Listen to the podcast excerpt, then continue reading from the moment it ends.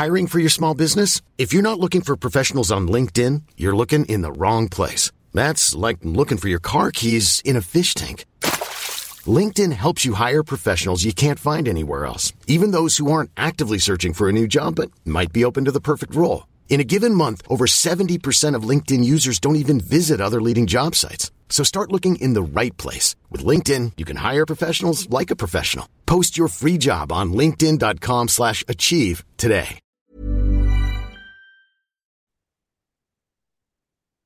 Halo pendengar ganteng-ganteng Manchester United Podcast, kembali lagi bersama kita berdua, ada Sawung dan Alvin di sini. Dan uh, episode kali ini tentu menjadi episode yang seharusnya sih cukup membahagiakan gitu ya, karena uh, kita melihat karena back to back goals gitu kan, kita melihat bagaimana kita uh, rekor kita di Champions League gitu ya. Untuk goal scoring itu sangat luar biasa menurut gua gitu, salah satu yang terbanyak ada 12 gol gitu kan. Tapi kita bisa masukin 12 gol tapi kebobolan 14 gol, Vin. Ini um, rekor ya di pre- di Champions League ya. Uh, tim yang terbanyak kelolosan gol di group stage gitu. Dan uh, menurut gue ini sangat-sangat aneh sih. Kayak ketika lo bisa cetak 3 gol gitu ya berturut-turut away uh, di Munchen, di Copenhagen, lalu di Galatasaray, tapi lo nggak menang itu menurut gue suatu tindakan kriminal gitu dan uh, pertandingan kemarin gitu itu benar-benar kayak kulminasinya lah gitu lo bisa lead 2-0 awalnya lo lead lagi 3-1 uh, nggak ada kartu merah kan beda dengan pertandingan sebelumnya dan lo tetap nggak bisa menang men gitu what went wrong Vin? What went wrong sebenarnya apa ya? Dibilang wrong enggak, tapi lebih ke ini hal-hal yang sering terjadi gitu. Kemarin gue sempat Hmm. bilang bahwa gue yakin bisa menang lawan Galatasaray, tapi lu jangan apa ya melakukan kesal- kesalahan kecil gitu. Contohnya misalnya apa ya gol pertama, gol pertama. Ini kita ngomong kebobolannya dulu aja ya, bukan gak usah ya, ngomong yang golin kebobolan pertama ya. itu em, meskipun Bruno Fernandes yang melanggar, tapi itu terpaksa. Kenapa? Karena kalau lu lihat lagi videonya, itu Shaw udah nutup eh, di sisi kanan. Tapi ya. Garnacho malah nyamperin dia. Harusnya Garnacho tuh nutup pemain yang lagi lari kan. Itu pemainnya dia, tapi dia malah ikut ngebantu Shaw. Nah, itu awareness gitu. Meskipun niatnya bagus, track backnya bagus, tapi dia awarenessnya salah ambil keputusan situ. Jadinya pemain itu kosong. Siapa ya? Torreira mungkin ya gitu. Dan akhirnya Bruno terpaksa narik dia gitu. Dan kebobolannya juga receh ya gitu. Mungkin gue lihat 50-50 tapi lebih ke ya harusnya Onana mungkin bisa gitu karena mu- dia lebih ke salah baca aja. Dia mungkin mau ke kiri ternyata ke kanan ya refleksnya telat gitu. Ya. ya itu gol pertama kan. Ya gol kedua itu lebih konyol lagi sih. Itu kayak it cannot be happen gitu. Kayak at top level itu nggak boleh terjadi gitu. Itu bener-bener kayak men lu udah gue puji-puji kita udah udah aman ya. Onana udah kita udah kita aman. Wih keren dia banyak saves kan Ah, masuk lawan City kan. Dia ah. saves banyak tiba-tiba "Lah, anjing gol lu begini lagi. Gitu frustrasi aja lihatnya gitu.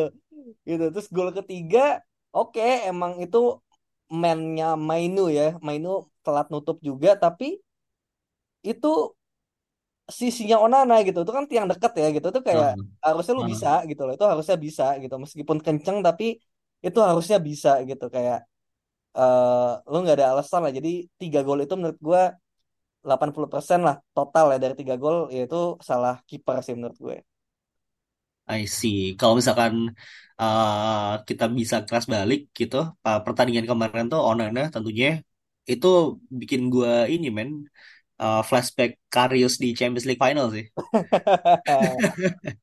Walaupun gak separah itu ya, cuman kayak at the peak stage gitu kan di di momen di mana lo harusnya bisa perform gitu kan. Gue sempat ketika Ziyech ambil uh, free kick gue mikir kayak ah masa iya sih kebobolan gitu kan ya kayak ya kayak ini ini momen yang Onana gitu loh. Lo udah lo udah build up uh, good performance dari minggu-minggu yang lalu.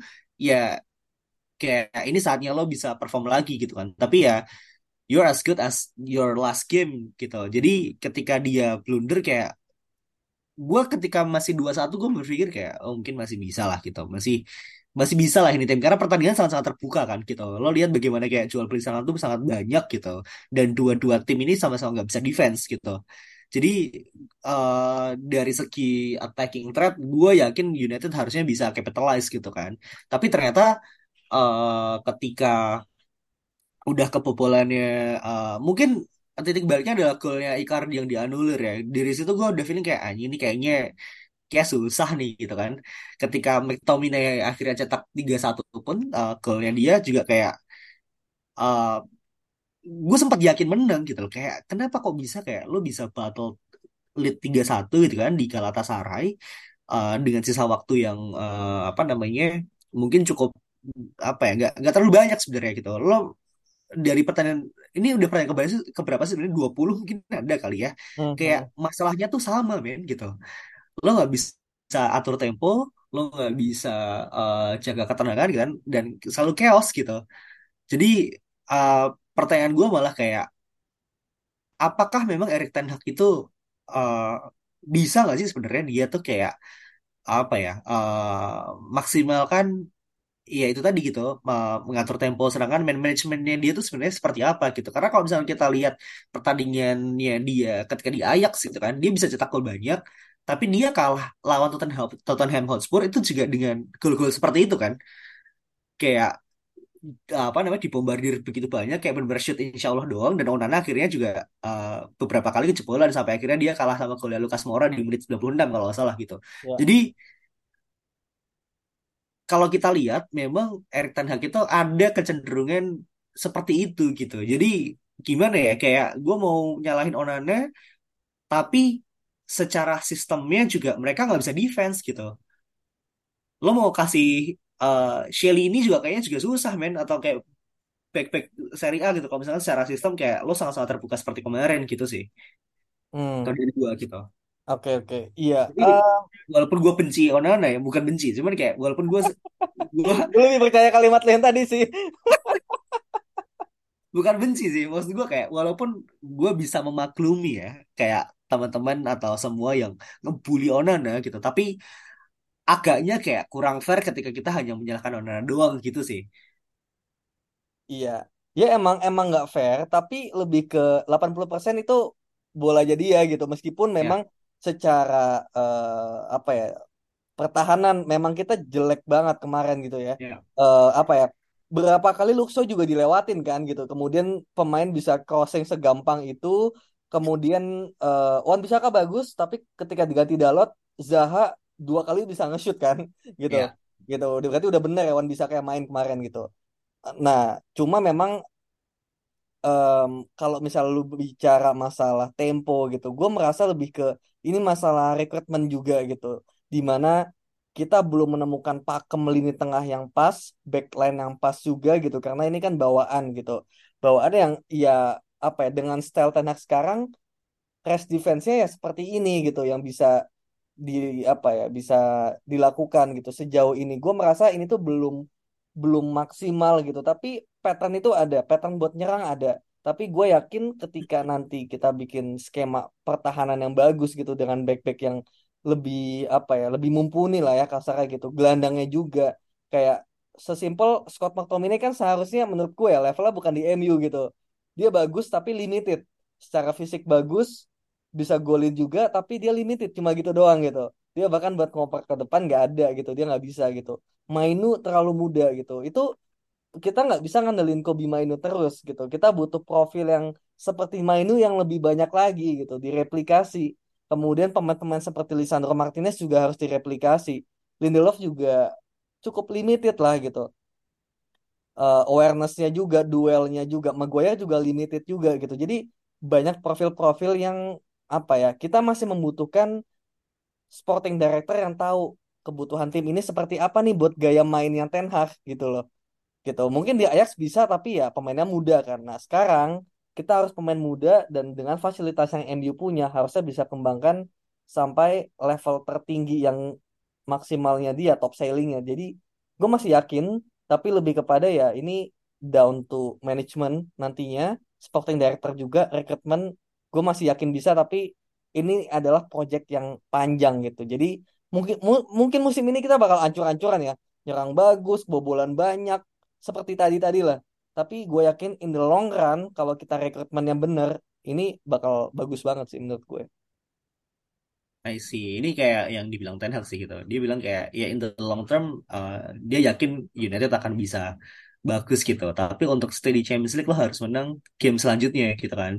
Ya ini mengindikasikan bahwa kayak ah ya lo bisa lo bisa apa ya punya harapan, punya project yang panjang gitu kan. Tapi lo akan dijudge dengan apa yang terjadi di musim ini kan gitu. Jadi kayak uh, gue yakin Ten Hag adalah orang yang tepat sebenarnya untuk membawa United ini ke arah yang seharusnya gitu kan. Tapi kayak apabila kayak apa ya performance performance seperti ini akan terus keulang gitu kan kayak kita terus kebobolan gol-gol sampah gitu kan kita nggak bisa uh, maksimalin chance gitu kan. Kayak lo lihat berapa kali kemarin yang harusnya kita bisa unggul empat tiga lima tiga enam tiga mungkin gitu kan dengan chance yang bisa kita maksimalkan tapi ya ternyata uh, mentok di situ gitu. Jadi kayaknya uh, apa ya kayak gue gue gue berharap kayak pertandingan kemarin itu mungkin uh, apa ya kayak orang-orang tuh harusnya kayak ya udahlah nggak usah nggak usah mikir Champions League dulu lah gitu. Hmm, kayak gue iya. gue low-key berharap United itu kalah men gitu lawan Bayern Munchen gitu. Kayak nggak usah mikir kayak Eropa dulu seperti apa gitu kan. Kalau emang lo beneran fokus ke long term project ya gitu lo jaga dulu ya uh, si uh, squad lu gitu kan. Uh, kayak apa ya kayak pertandingan-pertandingan di Europa League tuh menurut gue nggak worth it gitu saat ini gitu. Kayak lo akan lo akan apa ya uh, meresikokan performance lo di Premier League gitu kan mungkin di FA Cup juga. Kalau misalkan lo ya itu tadi gitu tetap tetap main di kompetisi yang gue sendiri nggak yakin apa kita bisa survive gitu. Jadi ya kalau misalkan besok lawan uh, Bayern Munchen kita nggak bisa menang gitu kan atau mungkin draw atau kalah dan kita harus keluar gua rasa itu akan jadi blessing in disguise sih gitu. Hmm, iya iya. Ya ini kan sebenarnya hal yang gue udah omongin dari kita udah kalah lawan Munchen malah ya di awal gitu. Kayak kalau lu nggak bisa lolos ke babak selanjutnya Liga Champions, lu mending out sekalian gitu loh. Dan ini makin terlihat bahwa eh, daripada ranking 3 ya, itu malah bikin kita makin terluka menurut gua gitu. Kita nggak Ya, butuh banyak match gitu, tapi kita butuh pengkondisian gitu loh, kebugaran dulu untuk eh, pertandingan itu kita bisa fokus. Dan kita lagi terluka sekarang kan dengan banyaknya cedera gitu. Jadi eh kalau misalnya gini, kalau misalnya menang lawan Munchen tapi kita lolos eh, jadi jadi runner up, gue masih nggak apa-apa. Tapi kalau kita menang lawan Munchen tapi ternyata Copenhagen menang juga misalnya, kan kita ranking 3 kan jadinya. Nah, itu yang percuma menurut gua, mending langsung kalahin aja lah abis itu. Cuma kan nggak akan begitu ya. Gitu. Jadi gue setuju untuk narasi bahwa kita lupain Liga Champions musim ini. Toh menurut gua kayak kalau kita berpikir long term, kan musim depan masih ada Liga Champions juga gitu. Meskipun formatnya udah beda ya, kita udah main 24 tim kalau nggak salah. Gitu. Eh, gue lupa 48 tim gitu. Jadi formatnya udah beda gitu. Em, dan ya berarti fokusnya di liga kan gimana caranya kita harus mampu ranking 4 dan menurut gua dengan penampilan kayak tadi sebenarnya ya setup permainannya gol-gol kita gue yakin sebenarnya kita bisa main ranking 4 gitu apalagi Tottenham juga kita lihat udah mulai kelihatan nih tanpa pemain-pemain yang utama mereka juga jatuh juga sama kayak kita kan gitu. Jadi menurut gua kita punya peluang tapi tinggal fansnya nih mau sabar apa enggak nih? Kalau misalnya kita keluar Liga Champions bakal langsung out out apa enggak gitu. Dan gue yakin sih bakal banyak yang langsung out ya kalau kita keluar Liga Champions. Karena kan gengsi ya. Eh squad udah eh, apa value-nya segini beli pemain ini tuh ini tuh tapi ranking 4 gue yakin fans nggak akan banyak yang akan terima. Tapi buat gue sih ya nggak apa-apa nggak masalah gitu yang penting gue liat prosesnya. Lu kalah karena apa? Oh ternyata karena kebobolan receh. Oke itu yang diperbaiki. Itu. Gue sih nggak masalah. iya iya iya. Ya. Dan kembali lagi ke pertandingan semalam ya lawan Galatasaray. Eh kira-kira apa sih sebenarnya yang bisa kita perbaiki gitu ya Eh, melihat pertandingan kemarin dan mungkin eh, pertandingan selanjutnya gitu kan Bayern Munchen perubahan seperti apa dan eh, apa ya em, apa yang ingin lo lihat lah sebenarnya di pertandingan besok Van lawan Bayern Munchen. Oh berarti Munchen ya. I'm Sandra, and I'm just the professional your small business was looking for. But you didn't hire me because you didn't use LinkedIn jobs. LinkedIn has professionals you can't find anywhere else, including those who aren't actively looking for a new job but might be open to the perfect role, like me. In a given month, over 70% of LinkedIn users don't visit other leading job sites. So if you're not looking on LinkedIn, you'll miss out on great candidates like Sandra. Start hiring professionals like a professional. Post your free job on linkedin.com slash achieve today. Hey, it's Ryan Reynolds, and I'm here with Keith, co-star of my upcoming film, If, only in theaters May 17th. Do you want to tell people the big news? All right, I'll do it. Sign up now and you'll get unlimited for $15 a month and six months of Paramount Plus Essential Plan on us. Mintmobile.com slash switch. Upfront payment of $45 equivalent to $15 per month. Unlimited over 40 gigabytes per month. Face lower speeds. Videos at 480p. Active Mint customers by 531.24 get six months of Paramount Plus Essential Plan. Auto renews after six months. Offer ends May 31st, 2024. Separate Paramount Plus registration required. Terms and conditions apply if rated PG. Ya, Ya. menurut gue lebih kepada kita udah bisa nih eh, mencetak gol banyak, setupnya Aha. bagus gitu. Cuma ya, eh, yang pertama mungkin penyelesaian akhir ya. Kemarin itu di 10 menit terakhir gue agak kaget ya karena Galatasaray itu defense-nya udah jelek banget, organisasi udah Ya. jelek banget. Kita dikasih ruang banyak banget buat lari. Itu mungkin gue mikir kalau ada Rashford di situ mungkin dia bisa cetak minimal satu gitu. Setuju gua, betul. Betul. Bahkan Mason Mount pun kalau misalnya nggak cedera menurut gue sangat-sangat uh, diuntungkan sih dengan killer pass-nya sih. Bener, Mason Mount dengan pressingnya, kerja kerasnya, Ya. Rashford juga gitu kayak ini pertan- pertandingan-pertandingan mereka nih dengan banyaknya space Betul. gitu kan. Cuma sayangnya malah begitu kan, gitu. Bahkan apa ya, gol ketiga itu kan kayak gampang banget kan dilewatin. Jadi Galatasaray ini pertahanan udah jelek banget. Cuma sayangnya Pelistri tiga kali itu gue gue sih bukan orang yang menghujat dia ya, maksudnya menghujat Onana, menghujat Pelistri secara pribadi sih gue enggak ya. Cuma kayak menyayangkan kayak aduh sayang banget men ini tuh pertandingannya elu gitu loh Ya. iya kan Berarti dia masih belum bisa ini uh, apa namanya stand up for the occasion gitu. Karena gue yakin mental juga berbicara kan gitu. Apalagi lo main di Galatasaray dengan fans yang begitu fisik gilanya gitu kan. Um, butuh butuh mentalitas yang berbeda sih gitu. Kalau misalnya lo punya sedikit deh sedikit aja ego kayak karena aja katakanlah mungkin dia bisa ya tuh cetak gol menurut gua. Eh, tapi, tapi kan kalau ngomongin ego dia udah udah cukup egois ya semalam gitu loh cuma decision Mungkin mungkin bukan ego sih, lebih ke kayak confidence gitu ya. Kayak confidence uh, apa namanya uh, arogansi bahwa kayak gue bisa uh, perform nih di pertandingan besok gitu. Makanya Bruno juga bilang kan kayak di pertandingan kemarin tuh harusnya ya uh, tim dulu gitu, tim dulu baru lu gitu. Makanya ini kan kayaknya agak sindir menyindir antara Martial dan juga Pelistri kan, dan juga McTominay gitu sedikit gitu. Kayak walaupun McTominay cetak gol tapi ada beberapa chance di mana kayak uh, dia shot sendiri dan akhirnya gagal gitu kan. Terus sundulannya juga uh, nggak jelas gitu kan. Terus uh, Martial juga uh, itu clear chance banget kalau misalnya dia passing dan gol itu kan.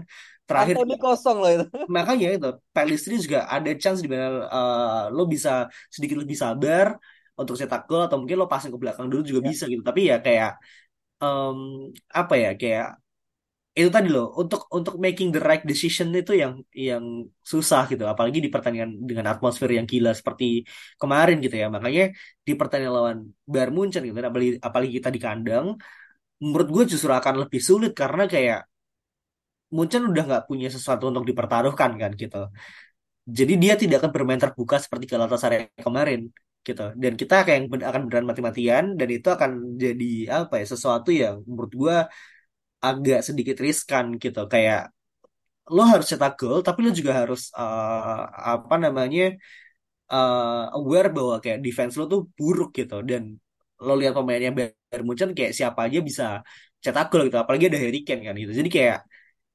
ya akan akan sangat susah sih gitu. Apalagi kalau misalnya Rashford main gue ngepengen dia nge-breakdown pertahanan Munchennya gue kayak kayak nggak sanggup sih men gitu. Jadi gue rasa gue rasa Pelistri tetap bisa dikasih chance atau uh, apa namanya kesempatan untuk bermain lawan uh, Bayern Munchen gitu. Apalagi dia uh, tipikal pemain yang gampang jatuh kan gitu. Jadi kita harus maksimalkan hal itu sih gitu. Kalau kalau Rashford kan pemain yang gampang hilang bolanya kan gitu. Gampang di counter attack gitu. Sementara kita butuh pemain yang setidaknya bisa kasih chance lah untuk tim gitu. Dan menurut gua uh, Rashford bisa bermain tapi kayak untuk ngedrop sepenuhnya uh, Pelistri ap- ap- apa atas pertandingan kemarin sih kayaknya masih belum ya gitu karena ya kembali lagi gitu secara rekrutmen secara squad kita masih sangat kurang sih jadi kayak kita harus benar-benar memaksimalkan apa yang kita punya gitu hmm, gue ya. malah berharap banget kita masih punya Daniel James sih sebenarnya gitu Tapi ya Daniel James sampai Listri sama aja men. Iya gak sih? Ya gitu-gitu juga kan. Daniel James masih bisa cetak assist dan gol yang banyak loh bro gitu dan dia memang sprint merchant sih gitu tapi untuk pertandingan dengan uh, apa namanya skema seperti kemarin gua rasa uh, speed yang dia punya dan juga uh, kapabilitas dia itu sedikit di atas Pellistri sih jadi Iya, iya. gue masih gue masih cukup pede lah kalau misalnya ada Daniel James gitu pemain yang seperti dia lah gitu Iya, iya, iya. Tapi tapi by the way gue berharap kalau misalnya kita Hmm. eh iya kalau misalnya kita punya duit dikit mendingan uh, jual Sancho terus beli Olise sih men beli apa? beli Olise ya Oh kan? iya iya iya iya Olise Olise bagus sih iya iya. Iya pemain yang seperti itu gitu loh yang kayak Iya. plug and play aja gitu lo beli lo langsung nyetel aja gitu Hmm. Perlu Iya pe- iya. beli pemain dari luar gitu kalau menurut gua Iya iya iya. Maybe emang itu yang akan dilakukan kan karena memang san apa ya? Kita yang bikin kita sekarang jadi mainin Pelistri kan karena si siapa Sancho nggak ada kan gitu. ya ya Kalau Sancho ada kan pasti Sancho yang bakal dimainin kan gitu. betul betul Either sub atau jadi starter gitu dan by the way Anthony kemarin main bagus loh menurut gue ya. Gitu. Kayak oke Ini oke oke lah gitu. Apa menurut gue gue agak ragu kayak buset ini langsung starter terus kayak dia berkali-kali mau ngelewatin tapi berhasil main gitu loh kayak buset dia berhasil nge-take on berkali-kali pemain-pemain decision makingnya juga kemarin cukup bagus ya gitu kombinasi dengan AWB atau dengan Dalot gitu cuma ya memang apa ya dan dia nggak nge-shoot ya kemarin ya jadi kayak Anthony bagus kalau dia nggak nggak nge-shoot gitu loh ketika dia memilih untuk bermain simple passing kombinasi gitu daripada dia nge-shoot gitu Iya kan dia nggak nge-shoot sama sekali kan gitu. Jadi mungkin menurut dia itu bukan hal simpel sih karena simpel di dia kan nge-shoot kan nge-shoot. Iya iya. Kemarin bagus. Jadi gue berharap ya itu jadi bare minimumnya Anthony kemarin ya seperti itu meskipun kita expect more ya gitu. Cuma dengan Anthony kayak kemarin gue merasa kayak ya dibanding resort yang masih hilang bola eh, misalnya kita bicara lawan Munchen ya Anthony seperti kemarin gitu di kanan kiri Garnacho gitu. itu udah terbaik dan Resort bakal menjadi eh, maybe misalnya super sub-nya gitu dan Martial mungkin ya udah nggak usah main lagi gitu karena kemarin apa ya terlepas dia secara teknik dia bagus ya dia bisa ngehold bola atau apa tapi aggressionnya itu loh pressingnya itu benar-benar jauh dari si Hoylund ya gitu dan ya ya mungkin ya pertanyaan sama lu nih gue mungkin orang yang agak mengkritisi kayak Amrabat keluarnya terlalu cepat menurut gue gitu meskipun dia udah kuning ya Hah. tapi kenapa dua pergantian ini langsung dilakukan eh right after kita unggul 3-1 dan itu soon sih menurut gua gitu. Jadi agak menyayangkan sih. Iya, Kak. menurut gue sih sebenarnya eh, Amrabat itu bisa ya, maksudnya kayak bermain di sampai menit 70 75 tuh masih sanggup sebenarnya itu. Tapi dengan intensitas permainan seperti eh, kemarin gitu kan dan bagaimana pemain-pemain eh Galatasaray itu juga eh, menurut gue cukup cerdik ya gitu untuk cari peluang entah itu foul, entah itu eh, apa namanya eh, secara agresivitas itu uh, cukup oke lah gitu. Dan dengan lo punya pemain uh, defensive midfielder yang udah kartu kuning gitu kan dan dengan trauma yang cukup mendalam gitu ya di dua pertandingan sebelumnya yang selalu kartu merah entah itu Casemiro dan juga Rashford. Jadi gue memahami sih ketakutan Ten Hag untuk kehilangan satu pemain sih gitu. Jadi kayak memang terkesan tusun gitu tapi dia tahu persis bahwa kayak dia tidak diuntungkan di sini men gitu dengan kondisi seperti itu tuh kayak eh, wasitnya aja kayak sangat gampang ya untuk keluarin kartu ya. Jadi gue memahami sih ketakutan itu gitu. Iya. Itu yang itu yang ingin ingin ingin dia eh, antisipasi sih gitu. Makanya dia pun juga nggak ragu ya untuk mengganti Amrabat dengan Mainu karena Mainu juga di pertandingan sebelumnya juga udah eh, udah settled, udah cukup mature gitu untuk eh, take on apa namanya responsibility gitu. Jadi ketika Amrabat diganti gue cukup uh, yakin bahwa seharusnya seharusnya tidak tidak berpengaruh banyak gitu.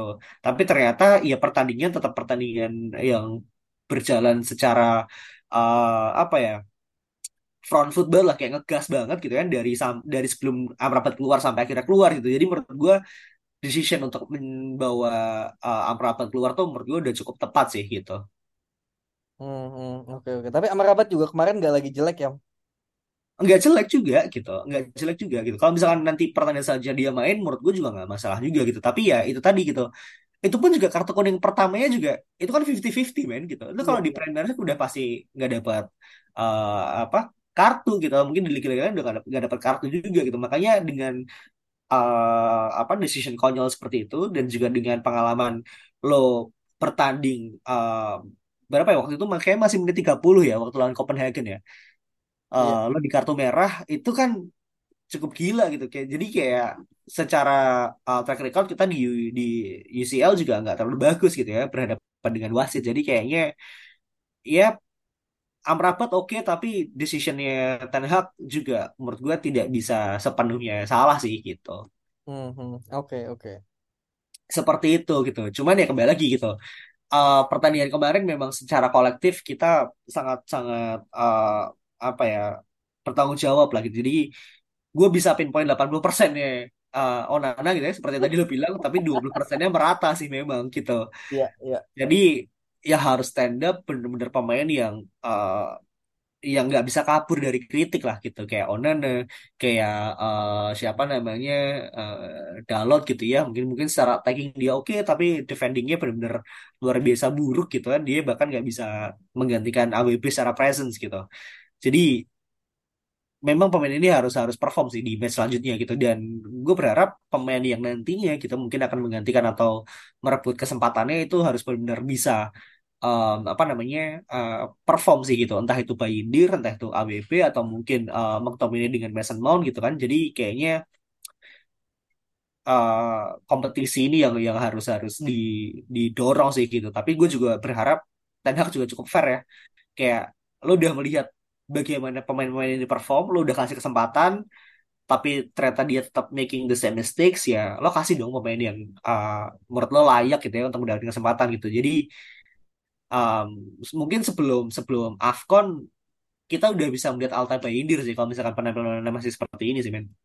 Hmm, iya, iya. Berarti memang kita semua setuju ya bahwa Onana ini bukan Onana ya, mungkin Bayindir layak dapat kesempatan ya secepatnya. Ya, ya. Mm, karena apa ya, sesuka-sukanya gua sama Onana ya gitu. Gue bukan suka sama Onananya, tapi gue suka sama profilnya gitu loh. Gitu. ya. Ya kan? Jadi ketika Onana blunder terlalu banyak dan terlalu sering gitu kayak ya apa ya, ya lu nggak bisa kayak gitu gitu. Lu harus punya pelecut yang lebih keras lagi gitu selain daripada itu gitu kayak lu udah mulai bagus tapi terus lu drop lagi dan masa tuh di match itu tuh bener-bener gara-gara lu semua gitu loh gitu Ya. meskipun lu harusnya bisa gol lebih banyak ya tapi kayak ya lu harusnya nggak kebobolan tiga juga gitu. Tuh gue gue receh banget gitu. Itu at least lu kalau satu aja lu udah udah dimaki ini gol tiga men gitu. Jadi kan kayak something wrong gitu. Jadi lu harus lebih konsen lagi dengan cara ya lu di drop gitu. Bukan karena jelek tapi lu harus tahu bahwa lu nggak aman gitu. Jadi menurut gue sih harus secepatnya gue nggak tahu di pertandingan apa yang terbaik tapi ya gue juga pengen lihat Bayindir kayak gimana mainnya sih Eh, iya, gue cukup kaget sih kenapa Bayindir nggak main ya, karena itu kan kandangnya dia sebenarnya di Turki gitu dan dia tahu persis uh, seperti apa gitu kan uh, apa atmosfernya Galatasaray itu seperti apa gitu. Apalagi dia kan bermain di uh, rivalnya ya di Fenerbahce gitu di musim sebelumnya sih. Tapi ya uh, nasi sudah menjadi bubur. Um, kita nyaris keluar mungkin di minggu depan ya Eh, kita udah bisa tahu apakah kita tetap stay di Champions League atau tidak gitu tapi eh, kembali lagi mengingatkan gitu ya ke teman-teman yang mendengar ini kalaupun misalkan kayak United akhirnya tidak lolos gitu ya anggap aja ini sebuah blessing lah gitu. Ya lo sabar-sabarin gitu ya teman-teman lu gitu kan. Lo cuma bisa berpartisipasi di group stage gitu. Tapi mungkin ini akan menjadi apa ya eh, salah satu hal yang terbaik lah gitu yang yang dapat terjadi ke United gitu. Karena menurut gua kita harus benar-benar butuh uh, full fokus gitu kan full uh, apa namanya availability untuk lo bisa survive di Premier League musim ini sih gitu. Menurut gua masih bisa dapat Champions League musim depan Uh, jadi kita nggak harus tsunami trophy sih di musim ini gitu. Betul.